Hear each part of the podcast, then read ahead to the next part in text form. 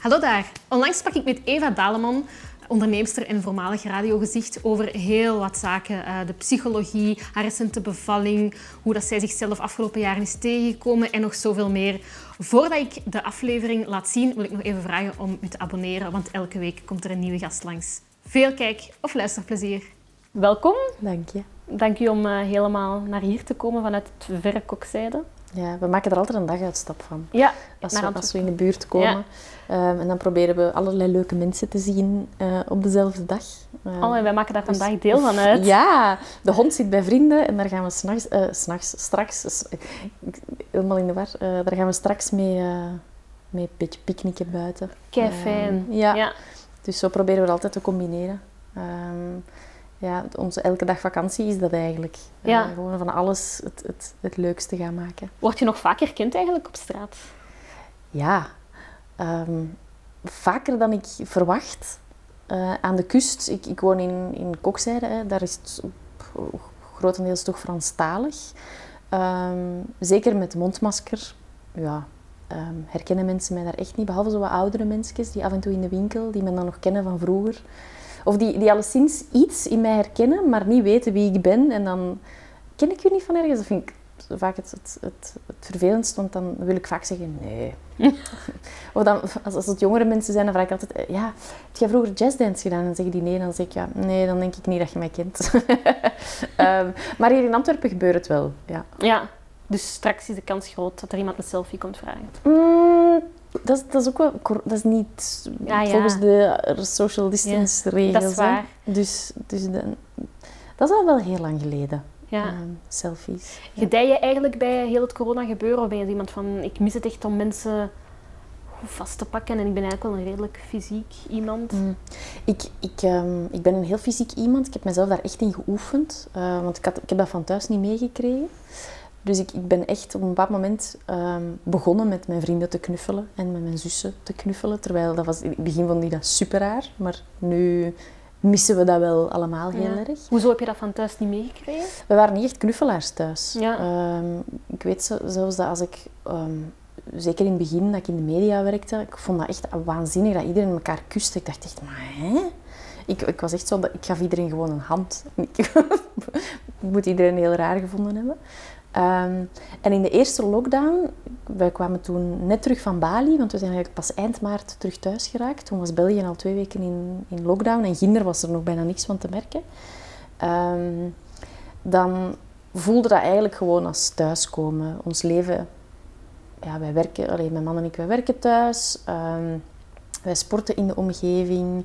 Wij kunnen in de buurt niet echt op restaurant gaan, omdat we een heel specifieke manier van eten hebben. Um, dus, dus op zich was dat voor Hoezo ons... specifieke manier van uh, eten? ik eet geen gluten en we eten allebei veganistisch. Ah ja, oké. Okay. Dus ja. aan de kust is dat tussen de mosselen en de oesters en de steekjes friet is dat niet echt evident om, om een plek te vinden om, om lekker te gaan eten.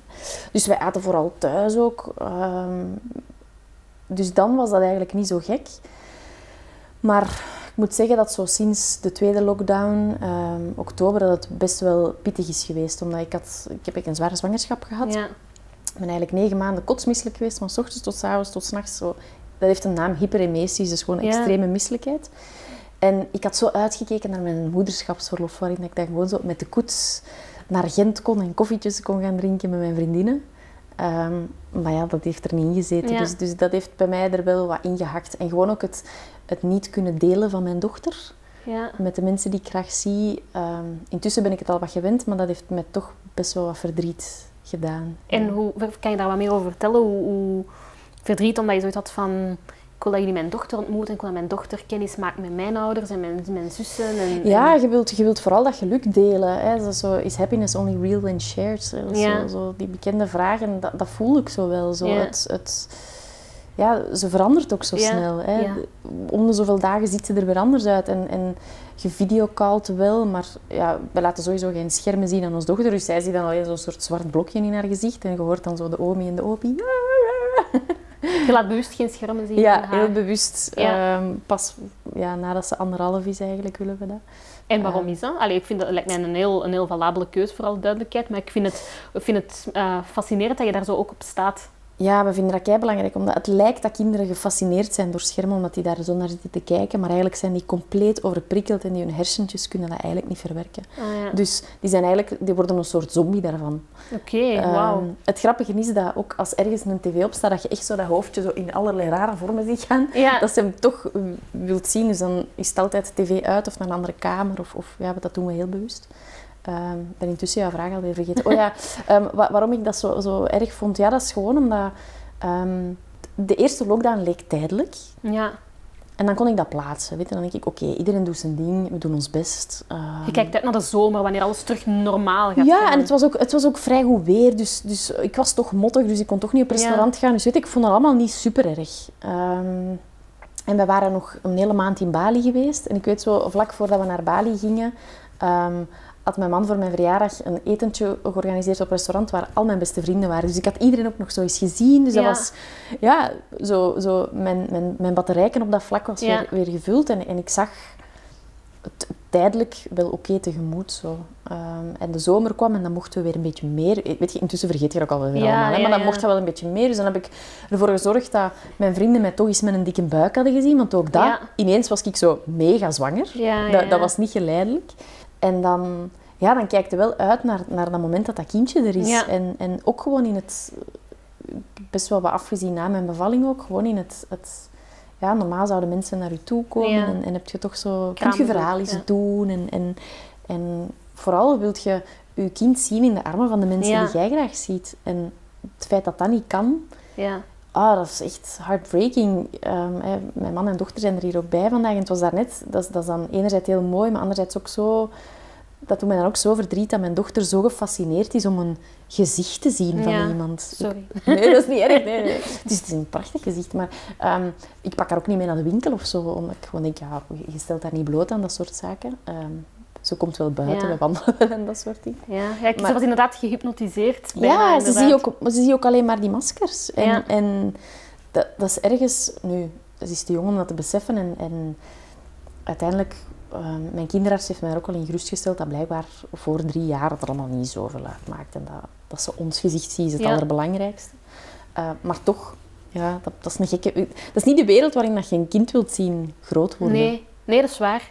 Maar, want die zwangerschap, dat moet ook wel een extra speciale dimensie voor je gekregen. Want je hebt er, eerst heb je een miskraam gehad. Hè? Ja. Heb je daar schrik van dat dat opnieuw ging gebeuren? Want ik heb ook gelezen dat eens dat je dat eerste keer, dat, dat je telkens meer kans hebt dat de, dat de volgende dan ook Ah, zo goed dat ik dat niet wist. Oh, sorry.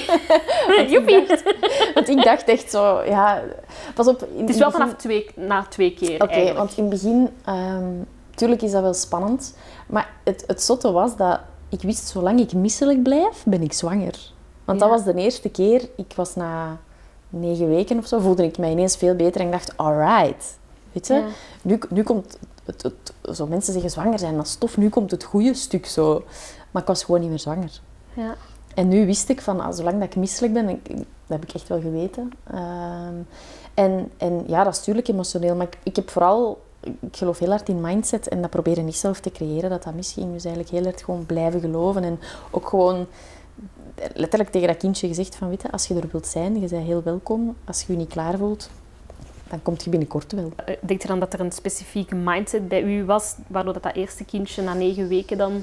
Nee, niet per se, want ik, ik, eh, het, het moeilijke is, je zoekt altijd naar, naar oorzaken. Ja.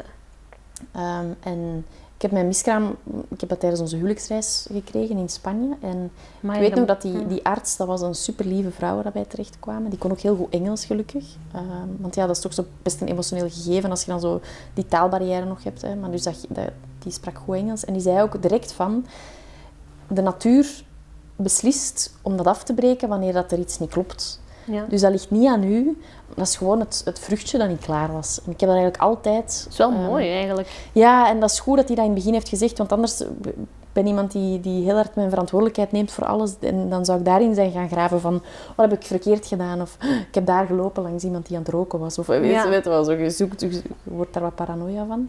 Nee, maar ik wou nu gewoon ehm, het best mogelijke kader gaan creëren voor dat vruchtje om wel te kunnen groeien. En eigenlijk ook gewoon positief te zijn en, en het niet kapot te gaan denken. Ja. Weet je, als je heel hard denkt dat je ziek bent, dan word je ook ziek. Ja, ja, dat is waar. En, ja. en gewoon daarin het, het positieve te gaan eh, cultiveren eigenlijk. Ja. Ja, inderdaad.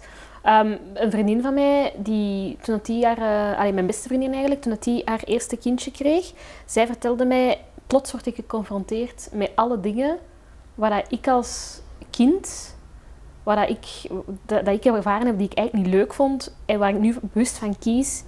Ik kies ervoor om dat met mijn kind zo aan te pakken. Zijn er bepaalde dingen al bij jou zo aan het licht gekomen dat je denkt van... Want ja, moeder zijn, niemand heeft een handleiding. Hè? Zijn er dingen van, van, van als kind ben ik misschien dat, eh, misschien dan niet genoeg of dat te veel. Ik wil dit anders aanpakken? Uh, ja, sowieso wil ik het heel anders aanpakken. Uh, ik kan niet direct iets bedenken, maar waar ik wel aan denk is zo, er komen wel um, onopgeloste stukken van jezelf heel hard naar boven. Um, ik, ik, weet bijvoorbeeld, um, in het begin, en dat is ook wat ik uit mijn opvoeding, er was weinig ruimte voor de slechte emoties, de boosheid, verdriet en dat soort zaken. En ik weet zo in het begin, ja, een babytje dat huilt natuurlijk, maar ik weet dat ik er alles aan wilde doen om het te, te laten stoppen met huilen. Terwijl zo uh, de babyosteopaat ook wel zei van ja, maar dat is een, dat, is een uitlaatklep. En dat is ook enige manier waarop hij kan communiceren. Weet je, honger is huilen. Ja. Um, nabijheid zoeken is huilen. Kakka moeten doen is huilen. Ja, um, ja ik, heb, ik heb geleerd dat zo de grote emoties, dat je daar best niet te lang bij stilstaat. Hè. Boosheid, huilen, um, de slechte emoties. Hè. Intussen weet ik wel beter, maar dat er zeiden. En ik had het daar in het begin met mijn dochter. Ik weet nog heel goed als die in het ziekenhuis een eerste keer zo hard begon te huilen. Ik begon gewoon mee te huilen, want ik dacht... Oh shit, wat is dit? Ja, of je dacht van, wat heb ik verkeerd gedaan? Ja, maar gewoon, je kunt, je, dat is zo groot en, en dat is zo een klein droppetje en dat is zo ongelukkig. Terwijl, dat is mijn interpretatie natuurlijk, want, want ze, ja, ze zeggen ook van... Dat is ook gewoon de enige manier van communicatie. Als zij honger heeft, dan huilt ze. Als ze als bij wijze van spreken haar ticketje van haar bodykin een beetje krapt in haar nek, dan gaat ze huilen. Als ze kaka moet doen, gaat ze... Allee, dus, dus dat is gewoon de enige manier van communicatie. Dus, dus ik weet, die hele kleine baby, dat was best intens. Nu is dat al wat gemakkelijker, omdat ze... Ze reageert al anders en je weet van... Je, kent ze ook al beter, hè. Want ja, dat is ook in het begin dat zo'n wezentje en je denkt... Oké, ik weet nog dat ik in het ziekenhuis zo zei van... Amai, wij mogen die meenemen. En die zeiden, ja, je moet die zelfs meenemen.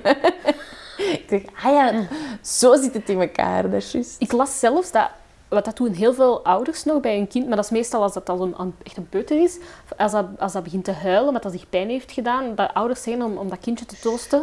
Zo, het is niks, het is niks, maar dat dat eigenlijk een vorm van zelfs gaslighten is, omdat je moet eigenlijk erkennen dat je kind, dat er wel iets is voor je Dus dat leren wij nu ook al. En dat is ook zo als ze huilt, want ze heeft ook, zeker in het begin als, als, als klein babytje, hebben ze echt een soort ventilatieuurtje. Weet je? Alle indrukken die binnenkomen, ja, die komen vanuit een soort donkere, donker warm bad, waar ze de hele tijd zo horen. En ineens moeten die kleren... Allee, als je dat, dat, moet een mega mindfuck zijn voor dat kind, tot ineens moet die kleren aan. Is er keihard licht? is er lawaai dat die niet kent? Zijn er... Ja, allee, geuren, um, dat soort zaken.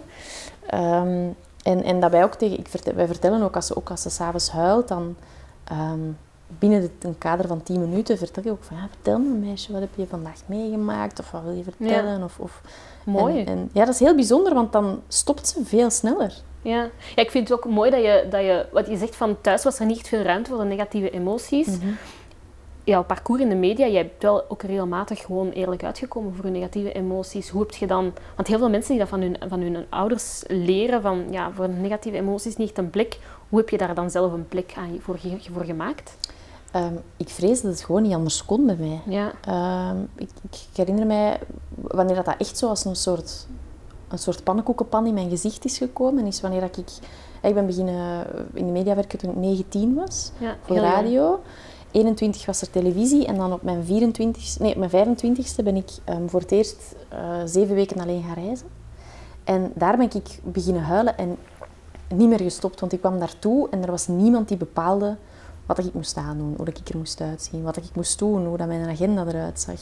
En ik wist gewoon niet meer wie ben ik en wat doe ik eigenlijk op deze wereld. Dat was zo... Ja, ik, kon echt alleen maar huilen en dat was... Allee, het werd bijna slapstick op den duur. Dat je zo tussen de prachtige rijstvelden in Vietnam aan het fietsen zijn. Ik zat echt zo gewoon te huilen. Maar je was daar, je was daar helemaal alleen? Ik was daar helemaal alleen. En ik ben toen beginnen schrijven. En uiteindelijk is dat een boek, mijn eerste boek geworden, Factor 25. En dat was voor mij de allereerste keer wanneer ik daarmee naar buiten ben gekomen. Ehm, En Er zat al zoveel emoties in u opgeborreld, eigenlijk. En ja, en, en, en dat is gewoon- was zo'n identiteitscrisis. Ik wist niet wie ik was. ja. Ik wist dat absoluut niet. En uiteindelijk kom je dan in de media terecht en all eyes on you, weet je. Ja. Ehm, En je krijgt ook constant kritiek. ja, en, en ik, er wordt van u iets gemaakt. Hè. Ik was zo'n beetje de girl next door die altijd vrolijk is. De, de spring in het veld. Dat was ik. Het frisse gezicht van één. Ja.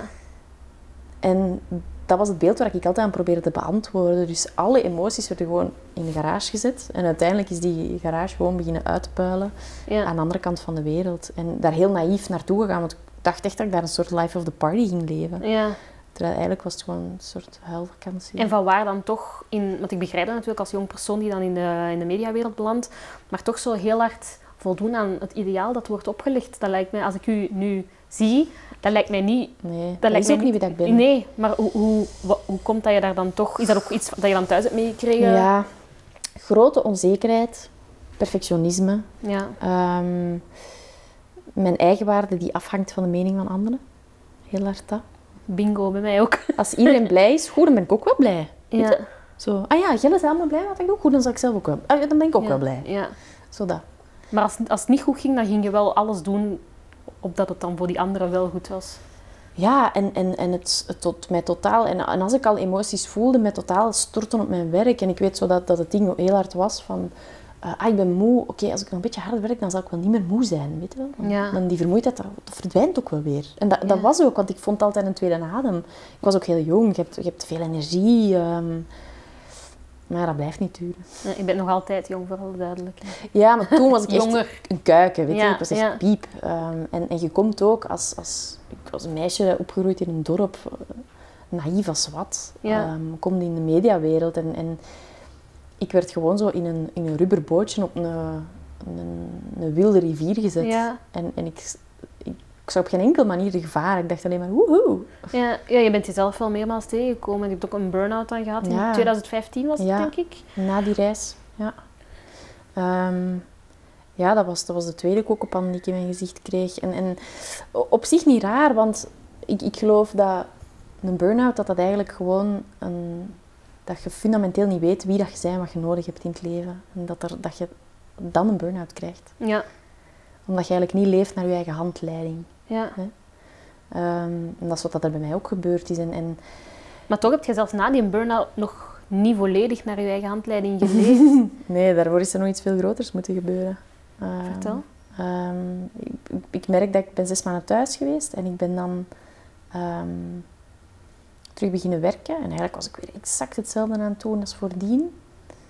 Hoewel ik dacht dat het anders was. Hè. Yoga was dan wel gekomen, dus ik kreeg wel wat meer fysieke bewustwording in. Oké, ik ben moe, in plaats van nog harder te gaan werken, te rusten. Hè. Mhm.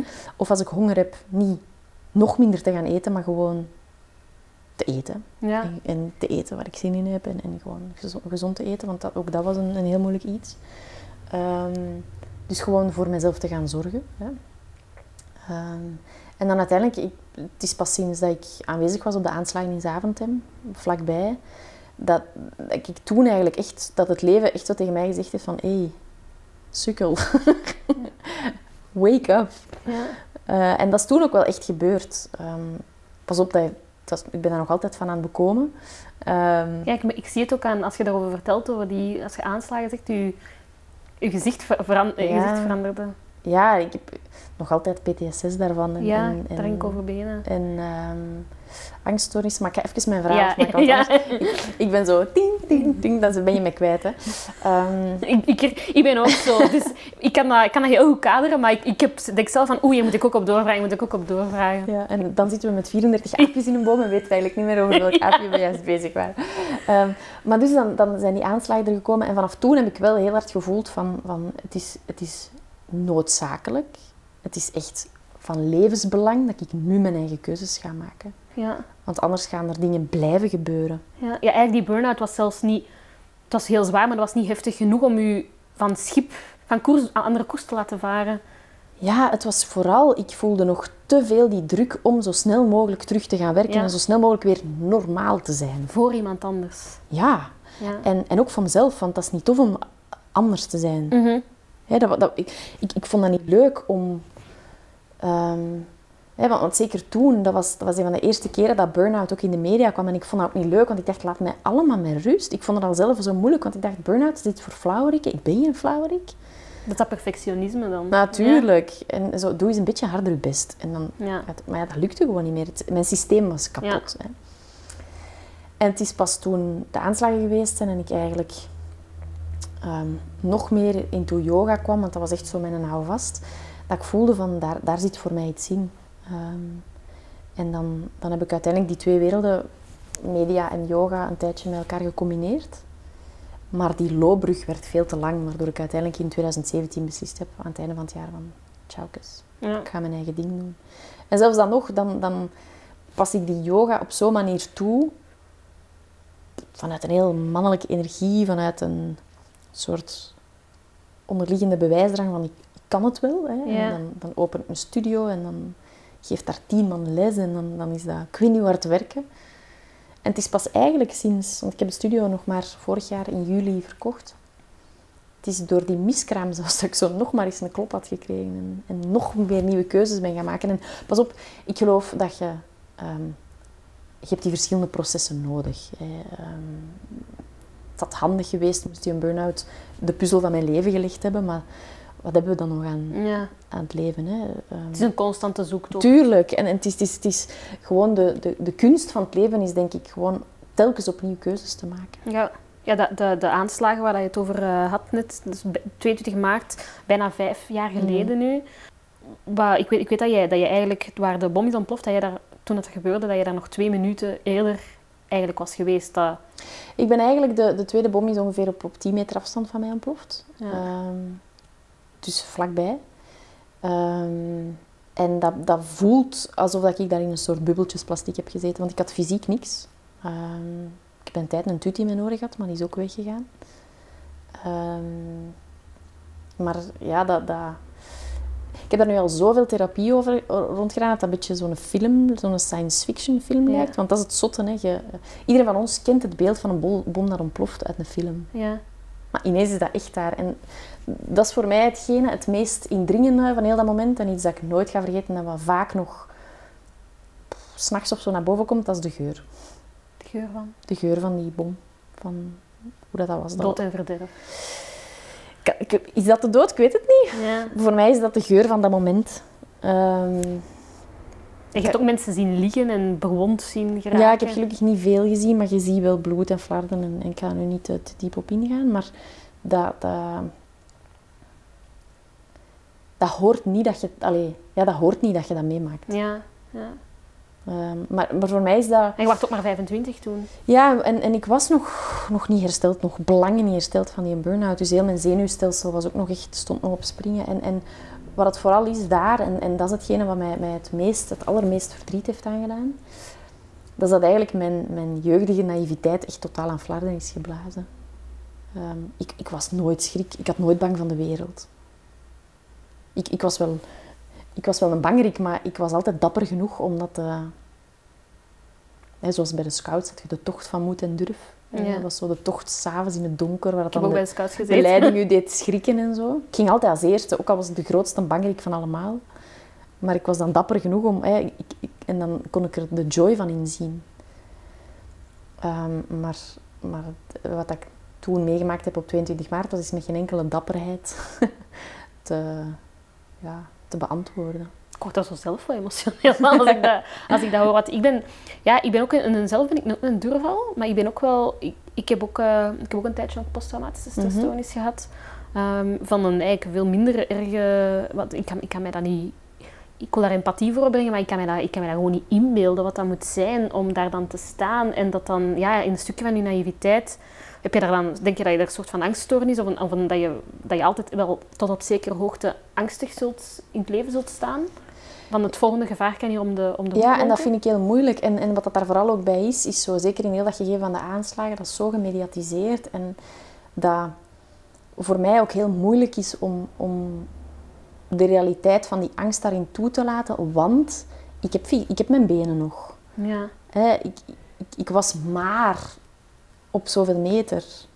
Ik ben daar vrij snel weggeraakt. Dus ik heb, niet, ik heb geen, geen dode mensen naar buiten gesleept. Ik heb niemand geholpen. ja, Hè, ehm, en, en, en dat maakt voor mij...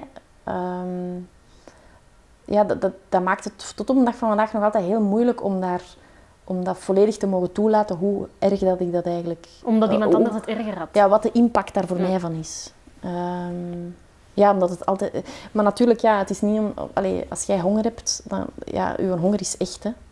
Het is niet omdat er iemand aan de andere kant van de wereld echt sterft van de honger, dat uw honger niet echt Nee. is natuurlijk. Dus dat, en- maar dat blijft wel een oefening, zeker om daar openlijk over te babbelen. Ik heb, ik heb er nog niet veel over gebabbeld. Ehm, het- omdat dat... Ja, er zitten altijd eh scherpschutters klaar met, met allerlei meningen. En, en ik wil ook niet te flauwerik zijn, maar het is wel op de dag van vandaag, mijn leven is... Ja, ik, het was de, de, mijn psychiater heeft daar een, een verslag over geschreven en, en dat was wel heftig om te lezen, want die zei van ja, ik je, bent letterlijk veel te snel volwassen moeten worden daardoor. En- Door die aanslagen. Ja, en dat lezen, dat, dat heeft mij heel verdrietig gemaakt. Omdat dat, Waarom? ja, die, die, Ho- Hoezo precies te snel volwassen geworden, dat, dat je dat las? Ehm, ja, dat eigenlijk die, die naïeve jeugdigheid, speelsheid, eigenlijk die eh, totaal roze bril waar ik mee naar de wereld keek, dat daar zo een, een serieuze barst in gekomen is. En dat, dat ik altijd op mijn hoede ben. Ja. Ehm, en, en ja, dat is wel spijtig als je 25 bent, want In publieke plaatsen of zelfs op een moment Oh, zeker. Ik, kom, ik kwam eigenlijk nergens, want ik was eigenlijk voor corona begonnen terug met, met een beetje herintegratie. Ehm, naar theater gaan en dat soort dingen, maar dat is nu weer helemaal stilgevallen. Eh, maar gewoon, dat kan, ja, dat, dat kan op, op de gekste momenten bovenkomen. En vooral ehm, het uiten van plezier. En wanneer er buiten geroepen wordt, dat, dat wordt bij mij direct gelinkt met... Oké, ik moet even checken of het Ja, veilig is. zelfs al is dat geroep van plezier. Ja, als mensen, wij bijvoorbeeld, ik zeg nu maar iets, we zijn daar net langs een voetbalveldje gepasseerd, als daar zou gescoord zijn en geroepen wordt, dan, dan is dat Ja. altijd even zo. Ja. Ja. En je hebt, je hebt ook, eh, want je hebt voor jezelf besloten van ik ga zes maanden hier medicatie voor nemen. Dat was, eh, ja, ja, dat is eigenlijk, ehm, ik, het is een beetje samengelopen. Dat, dat is altijd wel weer gek hoe dat, dat in het leven gaat. Hè. Ik, ik was dus in eh, februari terug beginnen werken met mijn burn-out. Ik ben een week terug aan de slag gegaan en het lukte niet. En natuurlijk, kalf dat ik ben, in plaats van te zeggen, blijf terug thuis. Want ja, het had al in de krant gestaan dat ik terug was beginnen werken en ik wilde eigenlijk niet heel die reutemetut opnieuw. Dacht ik, ik ga naar mijn huisarts en mijn huisarts ik had dat uitgelegd en zei, ja, dan beginnen we met een zachte medicatie. Ja, 22 maart is dan daarna gekomen. Hè. Ehm, dat was, toen was ik dan net een maand aan het nemen. Ik denk Ja, dat wat, wat is dat zachte medicatie? S- Cipralexa of zoiets? Ja, ja. Ehm, Dat is een soort van antidepressief. ja, antidepressivum. Goh, ik vond dat verschrikkelijk. Vond dat echt verschrikkelijk. Ja, je hebt daar veel bijwerkingen van. Hè? Ik neem zelf al tien jaar antidepressiva. Ja, echt hoofdpijn. ehm. ik, ik, ik leefde zo precies, ik wandelde precies zo naast mezelf. Ja. Zo. Terwijl, en nu, nu zijn er allemaal stempels voor. Hè. Ik ben een hoogsensitief iemand, een empathisch iemand en dat soort zaken. Maar toen wist ik van toeten nog blazen. Ehm, maar ik weet dat ik toen, toen gezegd had dat het over de medicatie ging. Ik, heb, ik, heb toen, ik ben begonnen, eh, denk 20 februari of zo. En dan heb ik aan haar gevraagd, zeg, wat is de minimumtermijn dat je dan moet pakken voordat je weer mocht stoppen? Zes maanden. En dan heb ik 20 september, heb ik dat in mijn agenda gezet, stoppen met medicatie. En je zet dat toen beginnen afbouwen dan? Ja, ben ik beginnen afbouwen. Ehm, ik heb tussendoor wel nog allerlei kalmeringspillen en zo genomen. Ja. Ehm, omdat eigenlijk, die, die, zeker die aanslagen, dat, dat, ehm, dat is pas later gekomen. Ik, ik zat echt, ik was zo... eh, ja, dat is echt dat, die, die, dat, dat verstrauma, om het zo te Ja. zeggen. Je hersenen, wat dat die allemaal met je doen, dat je dat kunt overleven. Ik, allee, ik reed met een auto. en Als je er allemaal bij nadenkt, dat is, ik, ik dronk ook nog alcohol. Ik, ja, dat, is, dat, dat was niet oké. Je nam risico's. Ja, maar je beseft het. Ik, Ja. weet, ik weet het zelf ook. Ik weet van die periode echt bijna niks meer. Ja. Dat is een soort waas. Eh, maar ik weet wel dat ik kalmeringsmiddelen nam, dat ik slaappillen nam. Dat ik, ehm, alles wat ik nu absoluut ehm, dat probeer te vermijden en de kracht in mijn eigen lichaam eh, terug wil gaan wakker maken. Zo. Ben je, zou je zeggen dat je, het is nu een sterk, sterk woord, maar dat je tegen, niet tegen medicatie bent, maar dat je dat echt ziet als een allerlaatste redmiddel? Mhm. Ik ben tegen de overmedicalisering van alles. Ja. Ja. Omdat er is een reden waarom je lichaam aangeeft dat het niet klopt. Dan, dan, dan, dan, dan heb ik andere keuzes te gaan maken in Ja. Ehm, tenzij dat er natuurlijk fundamenteel iets mis is. Want ik weet toen, ik ben ook medicatie beginnen nemen omdat mijn dokter ook had uitgelegd van kijk, je hebt een bepaald stofje te weinig. En zolang dat, dat Serotonine. ja, zolang dat, dat emmerke, dat je dat zelf niet kunt vullen, heb je gewoon wat hulp nodig. Maar we gaan er niet voor zorgen dat je het nooit meer zelf kunt vullen. Hoe zou je dat dan, dat ben ik nu wel benieuwd, hoe zou je dat dan, ik neem dat echt wel bijna een decennium. Hmm. Eh, en bij mij kwam het van, ja, jij gaat, jij, jij, je hersenen maken niet genoeg serotonine Mhm. aan. Zie je dan de over, is dat dan ook, denk je een voorbeeld van de overmedicalisering? Of, en, en denk je dan dat ik, moest ik op een gegeven moment de medicatie afbouwen, dat ik kracht zou kunnen vinden in mijn eigen lichaam, waardoor ik wel die serotonine meer aanmaak? Dat weet ik niet zo goed, want ja, ik ken jou natuurlijk Ja. ook nog maar net. Ehm, en, en op dat vlak ben ik ook geen wetenschapper, Mhm. dus ik durf daar mij niet echt over uitspreken. Maar ik geloof wel dat, dat, dat er wel een levensstijl is die ervoor zou zorgen dat je wel genoeg... Allee, maar opnieuw, ik weet niet Ja, hoe dat in elkaar maar dat je wel genoeg joy zou kunnen ervaren in je leven om, om het niet meer te moeten zoeken in een pilletje. Ja, ja. Ehm, en er is een heel groot verschil tussen medicatie nemen of echt denken dat je het nodig hebt. Dat is, dat is interessant. Vertel. Dat als je, als je het gewoon ziet als, als iemand die even je hand vastneemt en die jou helpt gedurende een bepaalde periode. Of als echt degene die... Als Ja. het bijna een, een, een noodzakelijk iets is. Wel, ik vraag mij zelfs af, werkt dat nog? Ik, ik, ik denk soms van, zou ik niet zonder kunnen? Maar dan Heb je ik, dat eens geprobeerd? ik durf niet. Nee, snap ik. Zeker ook met, met, met corona. Ik ben ook wel... Allee, ik heb autisme en ADHD en mijn brein doet sowieso constant Ja. dit. En ik ben... Nu, opnieuw, dat- Ja. dat- medicatie kan er in uw geval voor zorgen dat Ja. het het leefbaar maakt. Hè? Dus, dus op dat vlak durf ik daar niet veel over zeggen, maar ik geloof wel dat, ehm, dat er heel veel gevallen zijn waarin het niet medisch noodzakelijk is. En, en dat eigenlijk artsen... Ja, er wordt zo snel naar, naar medicijnen gegrepen, terwijl eigenlijk zouden we mensen Therapie moeten bieden. ja, op, een, op een veel zachtere manier kunnen... Maar ja, dan vinden ze mij waarschijnlijk weer zo een of andere hippie. Maar ja, dat, dat- ik geloof daar wel in. Dat, Ja. dat, ehm, ook bepaalde keuzes maken. Bepaalde... Niet denken aan wat mensen, wat Nee. mensen van je vinden. Ja, pas op. ehm, dat heb ik ook al wel geleerd. Dat, dat, die naïviteit aan de kant te zetten. Dat, dat, ehm, dat je zomaar alles mag zeggen wat je wilt. Ja. Dat is niet zo. Of toch alleszins niet in een openbaar kader. Hè. Mm, ik weet niet, ik denk dat er, je brengt er voldoende nuance bij. Het is niet gewoon een, Nee. een, een, een stelling. Nee, maar dat wordt dan een kop. Hè. Ik zal het niet gebruiken in een highline-artikel. Hè, snap je? Dat, dat Ja, wordt dan, hè, ik, ik schrijf een heel boek van 300 pagina's en ik heb één hoofdstuk over masturberen. En het enige wat naar buiten komt is... Even dan... Pas op. Ja, ja, ja. ja. Ehm, maar, maar dus ik geloof dat, dat, dat er daar wel andere heling in kan zitten. En, en dat eigenlijk... ehm, ja, ook naar andere zaken toe. Naar, wij- grijpen zo snel naar pilletjes, terwijl het feit dat je hoofdpijn hebt, is dan niet gewoon een teken dat je een beetje rust nodig hebt.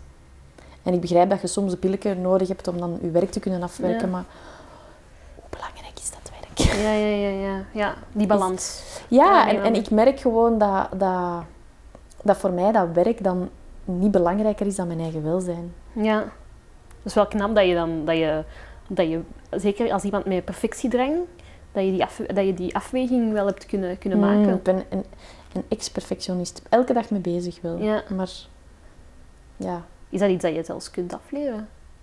geloof, ja, bewustzijn Ja. trainen. Ja, bewust kiezen om te stoppen. Bewust zeggen, nu is het... Ja, als, als je... Ik had nooit een boek kunnen afwerken. Laat Ja. staan vier boeken kunnen afwerken. Ja. Ehm, ja, er zijn niet veel mensen die dat kunnen, je na gedaan. Hè? Eh, 30 jaar en al vier boeken. Ik word er al een beetje verlegen van. Ehm. maar ga verder. Ehm, als je zegt van, ook van de overmedicalisering, ik moet spontaan denken aan het artikel dat ik las, het interview met Tine Rijmer en Peter van het Begin, waarin dat ze zeggen van, kijk, dat vaccin tegen corona... en daar kwam ook wel kritiek op, omdat dat toch wel problematisch is als een, iemand met een bekend gezicht dat, dat, Mhm. dat zegt. Waarschijnlijk in het kader van het interview was dat voor hen een juiste context om dat te, te vertellen. Maar nadien verdwijnt gewoon alle context. Het probleem van de media, hè. En dat is gewoon heel spijtig. En ik, sorry, maar de val ligt hier voor mij. Ik ga gewoon rondwandelen. Ja, ja ik, ik wou zeker niet een, een val laten tappen. Ik kom al bijna schuldig. Nee, maar dat is, dat is, en, en dat, dat- is gewoon echt waarom ik geen kranten koop. Waarom ik niet naar het nieuws Ja. kijk. Waarom ik er moet wordt- me bijna vereerd voelen eigenlijk dat je op dit interview bent ingegaan. Ja, omdat dat vanuit een persoonlijke interesse van Ja. jou is. Klopt. Dat is van mens tot mens. Jij wilt, jij wilt mij niet verkopen, jij wilt Nee. mij niet gebruiken. Nee. Eh, nee, maar en, en dat is gewoon het heel moeilijke. En kijk naar de hele coronacrisis, naar de verslaggeving daar rond. Ze maken mensen zot. En ik word daar echt... aan- Als ik hierover begin, dan zit ik echt op mijn paard. Ik vind dat... Hoe, ze maken mensen bang. Ze versterken mensen op geen enkele manier. Ehm, wij hadden voordien de illusie dat we vrij waren. Ja, we, we zijn totaal niet vrij. We worden gestuurd langs alle kanten. Ehm, Ja, als poppetjes. En ja, en, en, en, en eigenlijk de media zou mensen tegen zichzelf moeten beschermen. Ehm, als je je daar niet bewust van bent dat, dat je daardoor gestuurd wordt, ja, dan, dan loop je echt los in de val. Ja. En, en waarom dat ze niet gezegd hebben, waarom er geen artikels zijn verschenen, hoe dat je ervoor zorgt dat je wel gelukkig blijft tijdens de coronacrisis. Hoe dat je wel een ritme kunt vinden in je thuiswerk. Hoe dat je... Ja. Er wordt nooit iets over geschreven. Er wordt alleen maar geschreven hoe moe we zijn en hoe zwaar Ja. het is en dat, dat het gevaarlijk is. En, en, ja. en Dat is het vanochtend en opnieuw. Iemand die hoest in het gezicht van iemand, dan denk ik, ja, jezus, echt.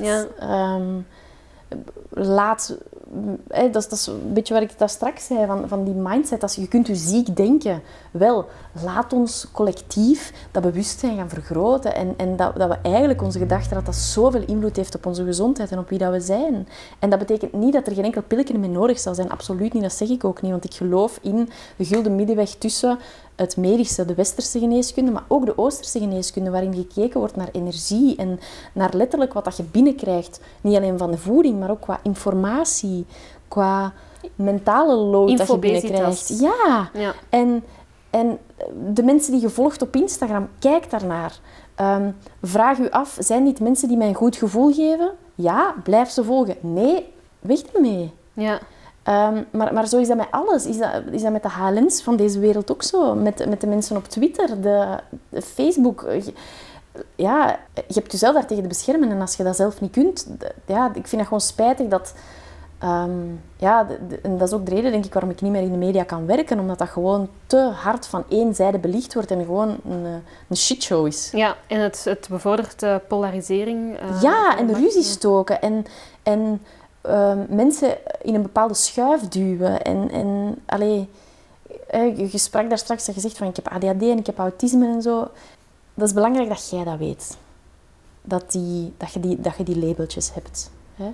Dat dat je helpt om je eigen handleiding in je leven te vinden. En om, om ervoor te zorgen dat jij het leven kunt leven dat het best bij je past. Hè? Ehm, maar buitenstaanders hoeven dat eigenlijk niet te weten. Ook dan zou het een excuus worden in... in, in, in hè, als, als je dat niet tegen mij had gezegd...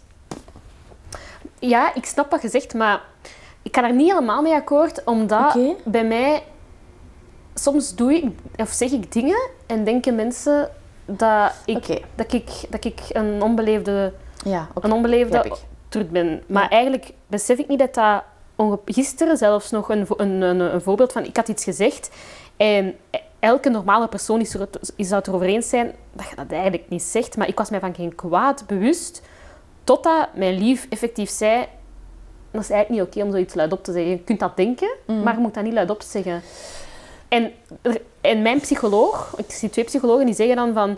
Magali, je kunt op bepaalde dingen wel trainen, maar je kunt dat maar tot op zekere Ja. hoogte, omdat bepaalde verbindingen in je hersenen worden Tuurlijk, gelegd. maar ik denk dat het een beetje fout overkwam. Wat ik eigenlijk wilde zeggen is... ehm, je, je, je werkt eraan, je bent ermee Ja. bezig. Hè. Je, je zoekt naar een manier om het leefbaar Ja, te maken voor jezelf. Je zegt niet, ja, maar ik heb autisme. Nee, dat, dat- is een beetje nee. wat ik, wat ik wilde zeggen eigenlijk. Dus het, kwam een beetje fout over. Nee, Eh, nee, maar dat is ook... want, want je zou ook anders u dit niet zien doen. Nee, nee, dat is waar. begrijpt het? Dus, dus je bent wel iemand die, die, dat, die dat kan overstijgen. En, en dat is wat ik bedoel met... met ehm, ja, je zou ook, over, over u, je zou ook over, gewoon over u kunnen zeggen van... ehm Magali interviewster met het hart op de tong. In plaats van Magali interviewster met autisme. Klopt. Eh, snap? Dat is een Ja. heel ander iets. Ehm, waarmee dat ik niet bedoel dat die labeltjes er niet moeten zijn. Maar er is, er is een groot verschil tussen het, het label eh, ownen Ja. of het label misbruiken. ja. Ehm, De- Denk je dat...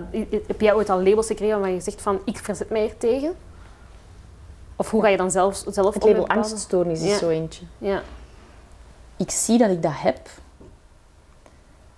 En ik ga daar mij aan aanpassen, maar het, ik wil niet dat het label, zo, dat ik zelf zoals een soort mannetje onder het label plak. Ja, nee. Want dan, Je bent veel meer, hè? Ja, maar ook dan, dan, dan wordt het alleen maar erger. Dat is Ja. weer zo, dan, Omdat je dat gaat voeden. ik ben bang, ik ben bang, ik ben bang, ik ben bang, Ja, ik ben bang, ik ben bang. En dan word je bang. Ja. Ehm, en en dat, dat, pas op, dat blijft. Dat is ergens dat is de dunne grens tussen ehm, ermee aan de slag gaan of het proberen ja. weg te Ik moet wel eerlijk toegeven, maar dat is ook een, een bepaalde reden, dat ik dat label de afgelopen jaren, dat ik dat wel meer be- ben gaan, gaan ownen, omdat ik vind dat er... Langs mijn, van, van, van, mijn, van mijn kant was er heel hard van, jij hebt autisme, dus dat staat ook zo in mijn diagnoseverslag, jij zult altijd begeleiding nodig hebben en nooit zelfstandig kunnen functioneren. Ja. Heel veel, er worden heel veel stempels gegeven uit de psychologie. En ik wil bewijzen van of je nu autisme, eh, posttraumatische stressstoornis, borderline of zo hebt. Je kunt altijd wel een manier vinden om je eigen weg, om zelf door het weg te navigeren. Ik ben daar nu ook een boek over aan het schrijven trouwens. En omdat ik die boodschap ook aan mensen wil geven. Van, laat u ik- niet... Ja, voilà. Dat is wat ik wilde zeggen. Je hebt je context gevonden. Je hebt Ja. een tof lief, je hebt een toffe woonst. Je hebt, je hebt een manier gevonden waarop dat het voor u werkt. Ja, En je gaat ook kunnen stoppen op een bepaald moment. En gewoon kunnen zeggen, ja, nu moet ik medicatie nemen, want ja, anders dan werkt het leven niet voor Ja. mij. ja klopt. En, en dat, is- dat, is- dat is wat, wat ik eigenlijk daar straks wat wilde zeggen. Van, van er, is, er is zoveel meer dan, dan dat wat je denkt dat er Ja. mogelijk is. Ja, en, en wanneer dat er dan... Want, want ik vond het bijvoorbeeld zelf... ehm,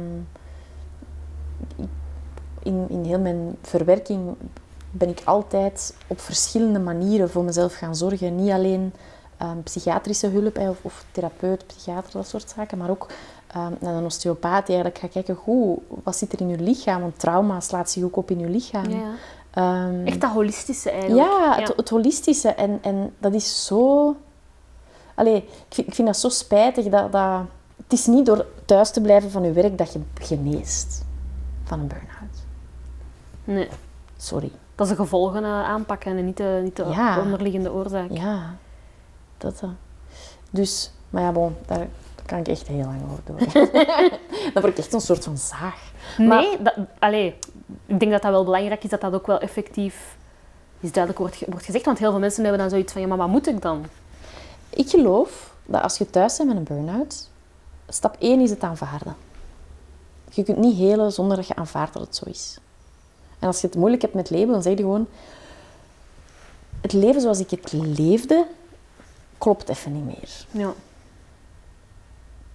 Wat al heel anders voelt dan... Ja, ik ben nu kapot of zo. Dat voelt ergens zo. hè. Je bent opgebrand en het lukt niet meer. Maar als perfectionistisch persoon is de aanvaardingsproces alleen al super moeilijk. Super moeilijk, bij mij na vier maanden. Ja. Maar ik ben wel thuis gebleven tot ik het aanvaard had. Snap je? Ja. En dan gaat het behoorlijk snel. Mijn man heeft een bore-out gehad en hij zegt er altijd zo mooi. Hij zegt van ja, ehm, het moment dat ik begon te genieten van mijn tijd alleen, toen ging het beter. En dat is omdat je het gewoon toelaat om jezelf te zijn. En het is ook heel moeilijk, want het, eigenlijk, hè, zoals ik daar straks zei, die burn-out, dat betekent dat je niet weet wie dat je bent en wat je nodig hebt in het leven. En het is ook heel moeilijk van, ja, wat vind ik eigenlijk leuk? Juist, wat, wat doe ik eigenlijk weer qua Ja. graag? Wat, wat, wat doe ik graag wanneer er niemand zegt wat ik moet doen? Ik vind dat ook heel moeilijk. Dat is heel moeilijk. En zeker nu, wanneer eigenlijk, Je niks kunt. ja, wanneer alle leuke dingen gewoon, ja. Tegelijk zie je nu ook heel veel mensen die het heft in eigen handen pakken, die nieuwe initiatieven, ondernemingen, Ja, ideeën, eh, die dingen, dat zie, dat zie je ook. Hè. En dat is ook inderdaad hetgeen dat denk ik meer in de media moet belicht worden. Want inderdaad, er wordt eh gewacht gemaakt van, van hogere zelfmoordcijfers, eh, ehm, mensen die moe zijn, mensen die naar de dokter gaan alleen maar om een gesprekspartner te hebben, terwijl er niks aan de hand is. Maar tegelijk, er komen ook wel nieuwe dingen naar, eh, naar, naar boven. ja of gewoon het, het, het informeren van de mensen. Ja, Als, als je geen ehm, de middelen niet hebt om naar een coach te gaan, ja, laat een coach aan het woord in je krant. ja, Zorg ervoor dat die positieve stem ook gehoord mag worden. Ja. Dat, er, dat, dat, ben ermee bezig. dat mensen handvaten krijgen. Dat er... ehm, allee, ik, ik vind dat zelf bijzonder dat, heel, allee, dat je door een boek te schrijven, wat voor verschil dat je kunt maken voor mensen, dat is Ja, geschift. ja inderdaad. Dat is ongelooflijk. Ja. Maar door boeken, dan, dan is er nog altijd een laag van de bevolking die niet bereikt wordt. Terwijl met media gaat dat vaak wel. Ja. De, de grote mediaspelers. En ik... pff, ja, ja, is een, het is een frustratie. Nee, maar je mocht ze uiten. Daar, Het is, is- eh, is, daar, eh, daar moet ook een plek voor zijn. Want jij bent life coach, klopt dat? Ja, dat is altijd zo'n moeilijke term. Want een vriendin van mij, ik zei dat van, straks komt Eva Daleman op bezoek. En die zegt van, ja, maar die is, Eva, die is life coach. Maar wat betekent dat juist? Dus Oké. ik Ja, ik, ik ben nog altijd op zoek naar de juiste term. Ik gebruik vaak het woord bewustzijnscoach. Ja. Ehm, omdat ik eigenlijk, wat ik doe, is ik, ik ga mensen op een heel holistische manier ook bereiken. Ja. Zij, eh, begeleiden, zij, zij bewegen, ademhaling, rond dat soort dingen, ook voeding. ehm. en, en eigenlijk gaan kijken van, goh, wie zit jij en wat is je handleiding in het leven? Wat Ja. heb je nodig? Ehm, dus wat, dat we gaan kijken, wat, wat we gaan doen is... is eh, ik begin altijd met de vraag, zo, hoe voelt je? En, Ja. en daaruit leer ik al heel veel. Want heel veel, ik begeleid vooral vrouwen, die antwoorden dan... Ik denk... En dan zeg ik, nee, nee, nee, nee, nee. Hoe voelt je? Ja, maar ik denk, nee, niet... Hoe voelt je? Hè? Wat vertelt je lichaam u? En dan, dan, dan komt het meestal het eerste awkward moment. Zeg ik, ja, sluit maar eens even je ogen. En dan Ja. mocht je even je ogen sluiten. Oké. Ja. En, en wat voelt je in je lichaam? Is er ergens druk, spanning? Ja, eigenlijk wel. Hier. Ah, oké. Zweet je? Nee. ja, maar ook, dat kan ook zo. Op, dit, op dit moment. Nee, heb je, heb je koude voeten? Heb je, eh, gewoon even puur zo eens naar die Ja, feiten gaan koude voeten. Zie, maar u gewoon even uw aandacht verleggen naar uw lichaam. Ja. Wij, wij leven zo hard boven onze schouders. Ja. En, en dan? Want ik ben nu wel benieuwd. En, en wat ik je meegeef, ja, het is niet dat ik dan ga zeggen, ja, en nu moet je... Nee, nee. Ehm, dus dus dat, dat stap één is eigenlijk dat bewustzijn brengen naar je lichaam. Dus ik, dus ik, ik maak een gewacht van de, van de vier dimensies die er zijn. Je hebt je mentale dimensie, dat is je gedachten, maar wij leven vooral in ons hoofd. Maar ook je lichaam, wat vertelt je lichaam? Want heel vaak is het pas aan het einde van de dag dat je voelt, ik ben over mijn grenzen gegaan. En eigenlijk is je lichaam een hele sterke barometer in... ehm, hoe zit je op je stoel? Dat is nu maar iets onnozel, maar ook ehm, je lichaam. Stel, je krijgt telefoon ehm, voor een nieuwe job en je bent super enthousiast. En je voelt heel veel joy in je lijf en, en je merkt dat je heel hard glimlacht. En je komt thuis en begint met je lief te babbelen en die begint eigenlijk al een beetje zo haar zorgen wat te uiten. En je merkt dat je gedachten aan de andere kant worden opgestuurd en dat, dat eigenlijk dat eerste gevoel dat je had, dat dat helemaal wordt afgezwakt naar een totaal ander gevoel. En, en wij vergeten zo vaak dat eerste signaal van je lichaam. Hè. Wij, we zouden hier niet zijn zonder lichaam. Dus ons Ja. lichaam helpt ons, ons heel erg om, om dingen aan te voelen. Dus ik, ik maak mensen daarvan bewust. Ehm, we spreken ook over emoties. Ja. Ehm, we gaan eigenlijk kijken van, goh, waar heb je nood aan in dit moment? Hoe kunnen we er eigenlijk voor zorgen met een aantal quick wins? Ehm, dat hoeven geen uren per dag te zijn, maar een aantal nieuwe gewoontes, dat jij je beter in je vel kunt Ja. voelen, dat, we, dat je meer energie kunt hebben. Waar krijg je energie van? Hoe kunnen we ervoor zorgen dat je dat meer kunt doen? Waar zitten er conflicten? Hoe kun je daar je grenzen in stellen in die conflicten? Maar het is Dus ook wel een beetje een stukje psychologie dat daarbij komt kijken. ja, wa- waar het eigenlijk vooral ook over gaat, het verschil is eigenlijk, hoe dat ik het graag omschrijf, is, is een, want ik ga zelf ook naar, naar een therapeut en naar een coach. Ehm, Ja. Een therapeut is eigenlijk iemand die u leert inzien van waar dat je komt en, Ja. en waar dat je, eh, wat dat er in je rugzakje zit. Ja. En dat is, dat is heel waardevol en heel nodig. Maar als coach, en, en dat doet een therapeut vaak nog minder, gaat echt handvaten geven van oké, hoe kun je dat nu in je dagelijks leven gaan integreren? Ja, om dat echt concreet te Ja. maken. Want vaak, dat las ik ook in een artikel van u, alleen een interview met u, van 1% in uw, van aanpassingen in uw, in uw dagelijkse leven kan u 100% gelukkiger Ja. maken. Ja. Dat is wel, dat is mind-blowing, vind ik zelfs. Ja, en het zijn kleine dingen. Allee, zonder gsm gaan slapen. Eh, Dat gaat over u gewoon bewust worden van allerlei zaken. En het is in het begin... Dat is een heel heftig proces. Ja. Omdat je ineens merkt er veel meer op. En, en je merkt dat je in een soort van waas, automatische Ja. piloot aan het leven bent. En dat vraagt ook heel veel verantwoordelijkheid om die keuzes te maken en te blijven maken. Want het is natuurlijk veel gemakkelijker om gewoon Ja. te volgen. Ja, en maar ook- gemakkelijk is niet altijd beter. En het wordt ook altijd het hoekje van de geitenwolle sokken gestoken nog. Hè. Je zei het zelf, van straks kom ik, klink ik hier als een hippie. Ja, nu, ik, ik heb heel veel, want ik begeleid ook dokters en zo. Ja. Ehm, dus dat zijn ook mensen die bij mij komen, waar ik dan vaak even zo dat mega imposter syndrome heb. En ik denk, je, hebt- je hebt zeven jaar gestudeerd en jij komt nu naar mij om te vragen wat, hoe dat je je beter kan voelen. Ja. Hè. Wat, heb jij daar een aparte opleiding ook Ik heb daar wel een, ja. een opleiding van een paar jaar bij gevo- voor gevolgd. Ehm, en ook eigenlijk wat ik ook doe, is al mijn yoga-opleidingen, al die dingen integreer ik daar eigenlijk ook in. Ja. De, de kennis die dat ik daarin heb opgedaan. Heb, heb, je, heb je veel last van dat imposter syndroom? Ja, ik denk dat dat ook een beetje te maken heeft met, met het feit dat ik een bekende naam heb. Dat, dat er zo wat vergrootgas op zit. Maar ook, ja, omdat ik, dat is ook weer dat perfectionisme voor een stuk. Ik wil het ook gewoon heel goed doen, weet je. Ik wil niet dat mensen mij betalen. Ik, mijn grootste angst is dat, men, dat ik mensen in het zak zou zetten. Waarom? dat is dat. Ik wil mensen waar voor hun geld geven. Ja. En in, in die sessies ehm, geef ik ook gewoon alles. Ik ga, ik ga nooit zeggen, ja, maar dat bespaar ik, daar, daarvoor kan je niet... Ik, ik geef daar ook gewoon alles in, omdat ik, ik, vind, dat, ik vind dat belangrijk. Ehm, maar dat is gewoon ja, de angst om, om niet genoeg te zijn. Ja. Dus die leeft wel nog steeds, die angst om niet genoeg te zijn. Dat is Ja, echt zo- een, dat is een mijn- permanent werk eigenlijk. Dat is mijn levenspad. Ja. Dat weet ik. Ehm, ja, dat Is mijn dat, is dat ook iets dat is, is gekomen doordat, door, door hoe je bent grootgebracht? Dat je het gevoel dat je thuis die, de dingen die je deed, dat die niet goed genoeg waren? Hmm, kon altijd beter. Ja. Ja. Dat is wat je in heel veel, het valt mij op dat je dat in heel veel gezinnen hoort, waar de moeder of de vader zegt van, goed, eh, goed gedaan, en nu dat. Zo van, en nu naar het volgende, en het volgende, Ja. prestatie, prestatie. Ja, zo een 8 is eigenlijk geen 9. Ja. Zo dat. En vooral als je vijf achten had behaald op je rapport, gingen ze niet kijken naar die vijf achten. Maar na die Ene- 68 bijvoorbeeld. Ja, ja, van... Ja, ja. Ja. Ik weet nog heel goed, in in het zesde middelbaar had ik aan, het- aan mijn eindexamen zo'n angst dat ik toch moest blijven zitten.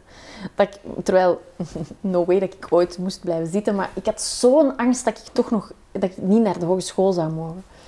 En, en toen heb ik me echt kapot gestuurd en ik weet dat ik echt een crazy rapport had. Wat je een, eh, aan het begin van dit gesprek zei, wat ik heel interessant vond, was de, ehm, dat je zei dat je vegan Ja. eet. Eh, ik veronderstel dat dat ook een, een zeer bewuste keuze is, omdat ja, je lichaam... Eh, ik vind het interessant omdat ik altijd vroeger dacht, ik heb en vlees nodig, en koolhydraten, en eh allee, veel koolhydraten en, en zeker zoveel gram patatjes per dag. Maar nu blijkt dat die voedselpiramide toch ook wel een keer eh, omgekeerd is. En dat plant-based eten, dat dat eigenlijk de toekomst is. Wanneer is voor jou die ommekeer gekomen om over te schakelen op een vegan levensstijl? Het vegan is sinds 2016. Vijf jaar dus. Ehm, Is dat ook dan na de aanslagen? Ja. Ehm, ja, wat dat het eigenlijk... ehm, nee, 2017, sorry. Eh, in de zomer van 2017. Nu, ik, ik heb daarvoor wel een hele voorgeschiedenis gehad met eten. Sowieso een heel moeilijke relatie gehad met eten, altijd. Maar vooral ehm, buikpijnlijder. Altijd. Echt Heb heel problematische darmen. Ja, ik heb eetstoornis gehad. Niet per se zo uitgesproken, maar altijd een heel moeilijke relatie gehad met eten. Heel veel Ja. niet gegeten. Want dat had ik niet over u gevonden, dus dat is ook iets dat niet, niet echt be- be- be- bekend is. Goh, Het zal in ik boek schrijf er ook ja. wel over. Ehm, altijd een, heel, een super controlerende relatie gehad met eten. Ja. En mezelf heel erg straffen met eten. Ehm, eh, ja, eigenlijk een resultaat van de dieetcultuur. Ehm, een, een ongezonde band met voeding. Ehm, zeker door in de media terecht te komen. Want eigenlijk, ik was voordien, als, als je mij zou zien op mijn foto's van het zesde middelbaar, ik, eh, ik woog echt in de 70 kilo. En dan ineens kwam ik zo twee jaar later op tv en woog ik zo nog 52 kilo. Ehm, ja, dus dat, en dan, ik, hoe mager ik werd, hoe meer werk ik kreeg. Dus ik dacht, ja, dit is echt the way to go. Ja, En ik mocht model spelen, terwijl vroeger voelde ik me echt een soort van trolleke. ja. Dus dat was zo... Ik voel mij nu zo. Van, nee, maar Maar nee, maar ik, ik, ben, ik, ben, eh, ik ben de laatste eh, drie jaar ben ik ook 10, 12 kilo bijgekomen. Ehm, ik heb ook een, ik heb ook een, eh, een beetje een problematische relatie met, met, met eten. Dat ik, ik, ik word echt gelukkig van vettig eten. En ik denk, want ik hoor je nu denken van ja, maar daarna voel je dan schuldig. Nee, ik kan echt zo s'nachts in bed liggen en denken aan die pizza die ik als avondeten heb gegeten. dat was super. Dat was de max. En ik heb heel vaak s'avonds na een heel drukke dag werken, want ik ben ook hooggevoelig en ik Mhm. werk ook echt aan een stevig tempo. En dan denk ik beloning, spaghetti bolognese of frieten en hamburgers. En dan is- er wel een stemmetje in je hoofd dat zegt, het is niet voedzaam, daar wordt je lichaam niet beter van. En dan denk ik, maar het is wat ik wil. Maar voelt je nadien dan beter? Ja, Maar ook fysiek? nee, Ah. zak patatten. Ah, wel, want dat, dat, is, dat is dus eigenlijk... Dat is ook wat ik mensen in mijn coaching Ja. leer. Om, om dan te gaan voelen. Want je denkt dan eigenlijk dat je jezelf een cadeautje geeft. Maar eigenlijk jost je eigen Ja. nog harder. Anti-liefde noem je het. Ja, Of anti-zelf... Anti-zelfzorg, ja. Ja. Anti-zelfzorg. Nu, wat ik aan het vertellen was, was dat ik eigenlijk dus die eetstoornis gehad, maar vooral altijd buikpijn gehad. En ik merkte ook gewoon, hoe minder ik eet, hoe minder buikpijn dat ik heb. Dus dat was ook gewoon stomme... Ja. Dingen aan elkaar, actie-reactie. Ehm, en dan ben ik uh, op een bepaald moment bij een arts terechtgekomen en daar bleek dat ik niet tegen gluten kon, niet tegen lactose, niet tegen eitjes. En dan ben ik eigenlijk mijn eten beginnen aanpassen, om mij beter te voelen.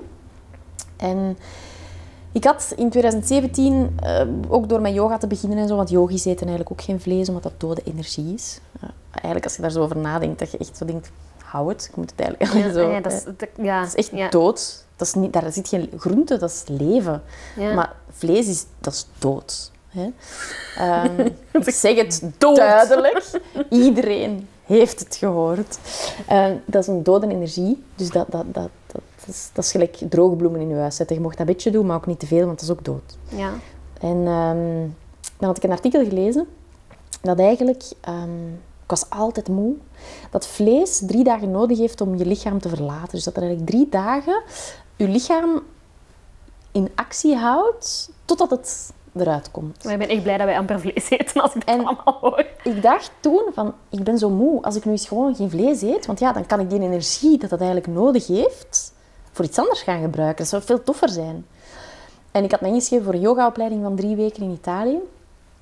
En ik dacht, weet je, ik ga gewoon zeggen dat ik vegan eet. Want dat is goed, dan kan ik dat drie weken proberen. En ik moet zelf niet koken.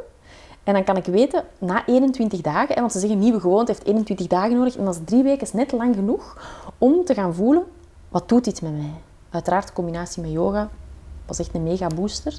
En ik heb sindsdien uh, nog één keer vlees gegeten. En dat was tijdens mijn eerste zwangerschap, toen wij in Spanje waren. En daar zat, was zo'n grote gamon.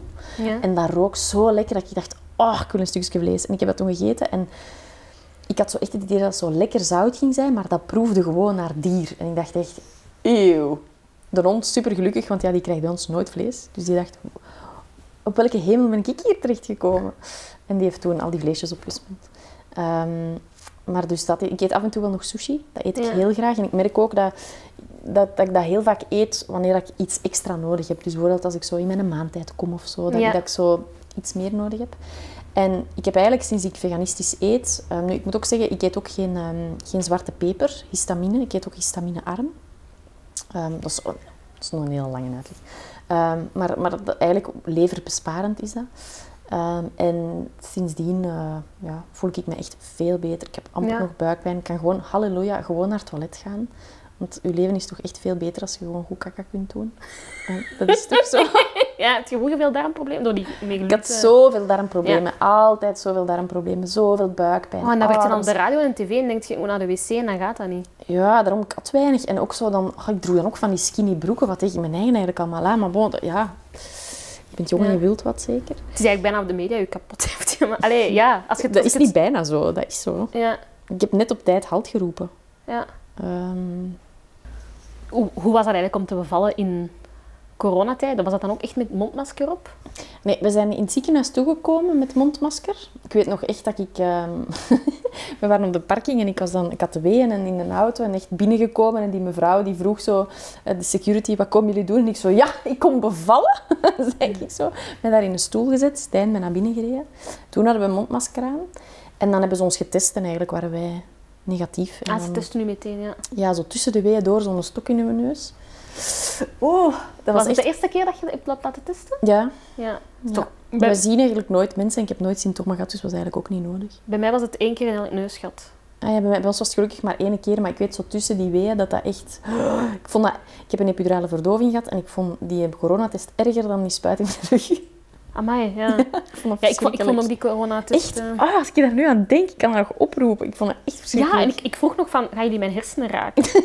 ik had denk echt dat hij zo... Ja, ja, ik had echt dat gevoel, want dat ging super, dat ging super, super ver. Ja, stel je voor dat daar dan zoiets... Oh nee, ik mag er niet aan denken. Ja. En hoe, hoe was dat om u... Wat je hebt begeleiding, emotionele begeleiding door een doula? Ja, dus eigenlijk... Um, wat mijn PTSS heel erg triggert, is pijn. Dus ik dacht bevallen, dat doet ja, pijn. Je bedoelt posttraumatische stressstoornis. Ja, ja daar zullen we het ja, over Posttraumatische stressstoornis is pijn. Uh, naalden, um, maar ook gewoon ja, fysieke pijn. Dan, dan zijn er, kan ik echt blind worden van angst. En, en um, ja, dat is gewoon heel heftig. En dacht, ja, bevallen doet pijn. En ook, ja, mijn man, die heeft dat ook nog nooit gedaan. Dus die weet ook niet wat hem tegen mij moest zeggen. Ook al heeft hij wel geleerd in de cursus en zo. Maar ja, mannen zitten daar ook met hun onzekerheid. En ik vond het eigenlijk heel belangrijk dat Stijn daar gewoon met een man kon zijn en mijn baken, maar dat hij niet de bevallingsspecialist moest gaan zijn. Of Ja. de coach. Weet je, ik wou gewoon bij hem kunnen huilen en niet dat hij zegt, adem een zoetje, adem. Weet je, je wilt gewoon de, de, de warmte voelen bij hem. En zo hebben wij, ja, zijn we dan eh, op zoek gegaan naar, naar ehm, begeleidingen. Dat is bij een doula. En een doula is effectief een bevallingscoach die eigenlijk u ehm, helpt met het creëren van uw juiste mindset, met uw geboorteplan helpt maken, die u informeert. En ja, die eigenlijk helpt om het potentieel in jezelf naar boven te halen. En zoals je, eh, zoals je daarnet hoort, ik, ik heb ook direct tegen haar gezegd van, ik wil een epidurale. Ja. Je hoeft mij niet te pushen over grenzen. Ik hoef geen tweede trauma. Ehm, en ze hebben dat helemaal gerespecteerd. Want vaak is het wel bekend dat doula's eerder staan voor zo wat... Ja, bevallen gelijk vroeger, om het dan Ja. zo te zeggen. Ehm, Maar dat wou je niet, daar stond je op. ja, omdat ik ook gewoon wist van, ik weet wat pijn me doet. En ik heb echt geen zin... Ik, ik wil gewoon van mijn dochter kunnen genieten als die er Ja. is. Ik heb geen zin om, om weer in een of andere Ja. wakko toestand... Het is al heftig genoeg geweest. Ja. Ja. Heb je door die vegan leefstijl eigenlijk ook een, je, je mentaal ook beter gaan voelen? Ja. Ja. Ja, omdat ik... ehm, ja, je, je, je houdt jezelf geen verhaaltje meer voor, omdat eigenlijk iedereen weet dat vlees slecht is voor de wereld. ja. Maar En- kaas en zo, dat, dat is ook... eh, Ja, kaas ook. En, en, en nu, ik had al geen lactose al heel lang. Ja. Dus al, al meer dan tien jaar geen lactose. Ehm, en en het, is, het is vooral dat, zo het zuiveren van het eten. En ik sta nu rechter in mijn schoenen. Ik heb niet meer het gevoel dat ik zo een, een alsofje doe. Zo. zo, oh, maar allee, dat diertje, hier ligt een dode vogel. Maar dan wel zo, voor mij een stek tartaar alstublieft. Ja, dan denk ik, niet helemaal consequent. Dat is waar. Allee, niet dat je altijd consequent moet zijn in het leven, hè, ehm, maar... Want, want ik, zou, ik zou denken van, van... eh, Ik mag ook van mezelf vlees eten. Weet je? Als ik er zin in heb, mag ik het ook eten, maar het, ik voel het niet meer. Ja, dat gaat weg ook, hè, die zin. Ja. Ja, en gewoon dat ik toen zo hard dat dier geproefd heb, die ene keer dat ik dat gegeten heb. Ja. Ja. Ja. ja denk je dat, zou dat iets kunnen zijn waar dat mensen mee kunnen beginnen, nu dat er zo echt een golf van mentale klachten komt, dat, dat misschien... oh Ja, niet iedereen kan ook echt professionele hulpverlening betalen. Dat is ook Nee. echt nog niet zo toegankelijk. Zijn bijvoorbeeld aanpassingen in de, de, de voedingsstijl en de, de levensstijl. Ik geloof dat voeding heeft superveel invloed op hoe dat je voelt. Ehm, Ja, want het, het microbioom, dus alles rond het darmstelsel, wordt eigenlijk als het tweede Dus paar hersenen. emotionele brein Ja. zijn Ja. darmen. Ja, Hè, allee, als je buikpijn hebt, echt, of als je buikgriep hebt, echt vrolijk zit je niet. Hè? nee. Eh, Nee, dat is toch. Zwaar. Als je buikpijn hebt, zijn je niet veerkrachtig in het nee. leven. Nee, nee, dat is waar. Dus, dus als, als je nerveus bent en, en je, je, je buik rommelt, dat, dat, ja, dat geeft geen joy in het leven. ja. Ehm, dus ik geloof dat zeer zeker. Ehm, zelf zijn wij zelf ook heel erg... eh, wij eten ook geen suiker en zo, dus wij zijn daar echt wel eh, volgens de maatschappelijke kaders dan heel extreem in. ja. Eh, maar wij eten gewoon heel zuiver en puur. Ehm, en pas op, als ik zin heb in iets, dan ga ik dat wel eten. Ja. Dan ga ik dat ik niet vind dat heel laten. bewonderenswaardig, maar. Maar bijvoorbeeld, we merken het nu bij onze dochter. ik geef borstvoeding. Ze wil absoluut geen fles. Ze weet heel goed wat ze wil in het leven. Zij wil wel vlees. Haha. Mama's vlees.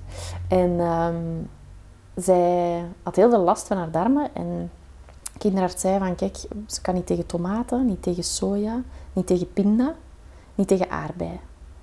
Bleek dat ik 's ochtends in mijn shake bevroren aardbei had en pindakaas dat ik smiddags um, graag al eens een pastatje met tomatensaus eet en s'avonds vleesvervangers van soja. Dus ik had dat eigenlijk heel de dag door. En ik ben dat nu aan het veranderen en je merkt echt dat gewoon het plezier terug in dat kind komt. Amai. En dat dat echt daarvoor was ze de hele tijd aan het vechten tegen iets en boos. En dat is een kindje van vier maanden, maar Ja. er, klo- er, je wist er ook, er klopt iets niet. Ze is de hele tijd gehoord, die s'nachts ook zo... "Ah, ah," Je wist van, er is iets Ja. niet juist. En door dat aan te passen is dat een totaal ander Ja. kind. Is die heel rustig, is die heel blij. Is die, ja. En natuurlijk, als je al heel lang niet meer het gevoel gehad hebt van geen buikpijn te hebben, dan, dan denkt ook dat dat weer het nieuwe normaal is Ja. om, om dat wel te hebben. Ja, dat is Dus het, het, u, eh, het, het, het gevoel van je overeten, als dat iets is dat je elke avond hebt, dan wordt dat je nieuwe normaal. En Ja. ja, als, als je als je eet wat bij je past, want daar gaat het wel de- degelijk over. Hè. Is, ik zelf kan bijvoorbeeld niet zo goed tegen broccoli, terwijl broccoli wordt gezegd dat dat heel gezond is. Ja, voor mij is dat niet zo gezond, dus Ja. je is altijd wel een beetje gaan zoeken. Ja. Maar ik geloof dat minder vlees eten en, en meer groenten eten, ja, allee, er is niemand die kan zeggen dat dat niet juist is. is waar. Ja, dat is waar. Ja, mijn laatste vraag. Heb je ooit schrik dat je de angsten of de emotionele rugzak, laten we zeggen, die je hebt, dat je die doorgeeft aan je dochter? Eh, ja, en daarom ben ik daar ook heel hard mee bezig. Ja. Eh, ik doe heel erg zo mind-body work. Ja. Ehm, ook met, eh, met haar baby-osteopaat, dat ik eigenlijk mijn draken uit de kelder ga ja. jagen. Zo zegt zij dat en dat vind ik wel heel mooi gezegd. Ehm, en en ik, ik hoop echt dat zij echt als een soort naïeve kikker het leven in kan gaan en, en kan gaan reizen. En dat ik gewoon al mijn moederlijk advies kan binnenhouden. en, en haar bij de luchthaven kan afzetten en gewoon kan zeggen, go, go. Ja, dat is heel mooi dat je dat zegt. dat, eh, Ja. dat, is, dat is eigenlijk dat is voor mij nu het allerbelangrijkste. Ik denk, hè, er, is, het- enerzijds is het, is het voor mij belangrijk om het leefbaar te houden. Waarom ik ook naar de psychiater ga, waarom ik ook hulp zoek op allerlei andere vlakken, dat ik daarmee aan de slag ga. Maar vanaf als je dan een kind hebt, dan krijgt dat zo nog een hoger doel. Ja, maar er wordt ook gezegd van als je moeder wordt, je brein, letterlijk je brein verandert. Ah ja, ik voel dat. Aan wat? Ik kan niet zo goed meer nadenken. Het is waarschijnlijk nu aan het... Maar ik heb ook een brein gebouwd, hè. Dat is Ja. toch crazy? Ja. ja, dat is waar. Ik heb een soort hersenen gekweekt in mij. Ja. Ik vind dat echt te gek. Ja. Ik denk ook gewoon dat dat slaaptekort is hoor. Ik lach ermee. Ehm, maar maar dat, is, dat is voor mij nu... Ja, al- ik wil dat zo aan haar, ik wil haar dat zo gunnen. Ja. Dat ze echt als een soort van zonnekindje de wereld tegemoet kan gaan met haar grote kijkers. En gewoon denkt van, ik ga de vijver van het leven hier een keer keihard leegplukken. Ja. Ah, wel, ik denk echt dat je dat heel goed gaat doen, Eva. Ik hoop het. Ik ga ook, ik doe- daarin ben ik dan misschien toch wel een beetje perfectionistisch. Maar dat gewoon, nee, ik, ik wil gewoon met, met mijn hele... Hoe zeg je dat? Ability. Hart en ziel. Ja, gewoon met, met alles wat ik in mij heb, Met man en macht. wil ik dat goed doen. Ja. ja. Ja. Ehm, Ik ben ervan overtuigd dat je dat zult doen. En enorm hard bedankt eh, voor de fijne babbel. dank je om te luisteren. Dat was. Uh, als je er evenveel aan hebt genoten als ik, geef dan even een thumbs up of laat achter in de comments wat je ervan vindt. En hopelijk ben je er volgende week ook weer bij. Tot dan!